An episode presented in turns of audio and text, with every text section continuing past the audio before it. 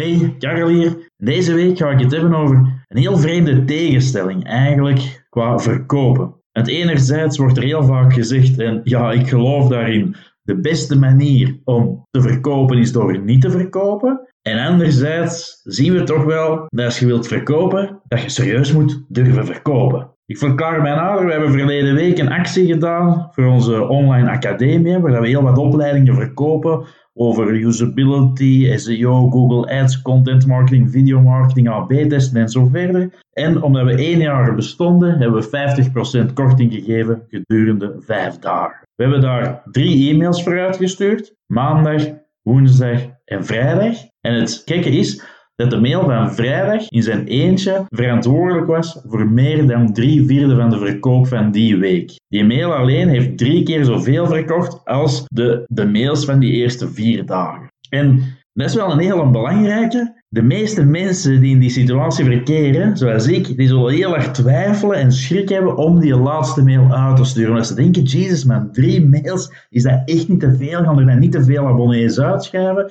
En ik moet zeggen dat ik ook deze week daar weer heel hard over getwijfeld heb. Maar ik ben wel heel blij dat ik het heb gedaan, want anders hadden we 75% van onze omzet die week gemist. En ik kan u vertellen, dat gaat over enkele tienduizenden euro. Nu, anderzijds hebben we inderdaad het algemeen principe: de beste manier om te verkopen is door niet te verkopen. Ik zeg dat heel vaak, ik geloof daarin. Dat is daarom ook dat we heel veel aan content marketing doen. Dat wij van in het begin met AG Consult gratis tips hebben weggegeven. Dat we nu deze podcast hebben. Dat we een beetje op YouTube zitten te spelen. Allerlei soorten zaken. Om inderdaad onze kennis te delen. Te zorgen dat mensen ons leren kennen. En dat is allemaal super belangrijk. Maar je moet ook wel durven verkopen. Want alleen van je kennis delen, daarvan gaat je niet leven. Hè? Daar gaat je niet veel geld mee verdienen.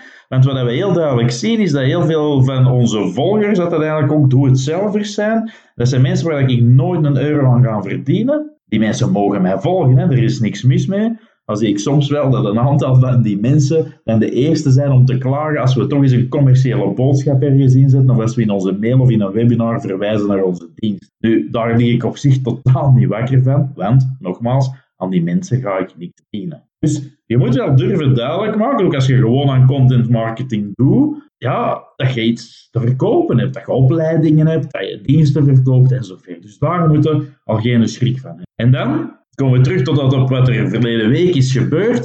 Heb je dat principe van, je moet, zeker als je een promotie hebt, die promotie durven blijven herhalen, blijven in de aandacht zetten. Je moet je er niet voor schamen om af en toe eens lekker door te verkopen. Want en, en, dat is iets dat ik al heel lang geleden heb gelezen in een boekje over salestechnieken, waarin stond, de beste verkoper, dat is de verkoper die net één keer meer belt of één keer meer mailt dan zijn naaste komt. En dat is wat we hier hebben gedaan. Hè. Die een derde mail gestuurd op de laatste dag. Die een extra push, dat laatste duwtje.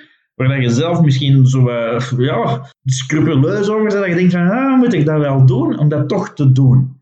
En dat levert dus duidelijk meer op. Hè? Meer verkopen, meer klanten.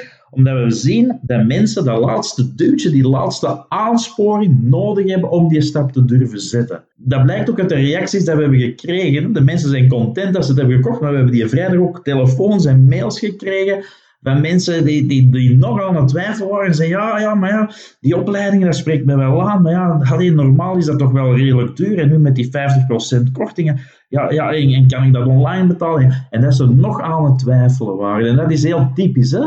Um, een twijfelende consument, zeker in deze crisistijden, vandaar dat je ja, geen schrik moet hebben om te blijven herhalen. Wat ook heel opvallend was, daar had ik een beetje schrik van, is dat bijna niemand zich heeft uitgeschreven op onze mailinglijst. In totaal, met die drie mails tezamen, heeft er zich minder dan 1% van de mensen uitgeschreven. En dat is bijna evenveel als gemiddeld, want normaal gezien zien we dat tussen de 0,2 en de 0,30% van de mensen zich per nieuwsbrief uitschrijven. Ik moet wel zeggen, de eerste keer dat we dat hebben gedaan, zo'n gelijkaardige actie, dat is nu al wel anderhalf jaar geleden, dan heeft er zich een veel grotere groep uitgeschreven. Dan hebben we ook een aantal klachten gehad van mensen die zeggen, oh god, is zo commercieel bezig. Waar ik toen ook een artikel heb over geschreven om duidelijk te maken van die mensen moeten niet wakker liggen. Eindconclusie, moraal van mijn verhaal. Als je een promotie doet, u er niet voor schamen om in die, die in de kijker te zetten.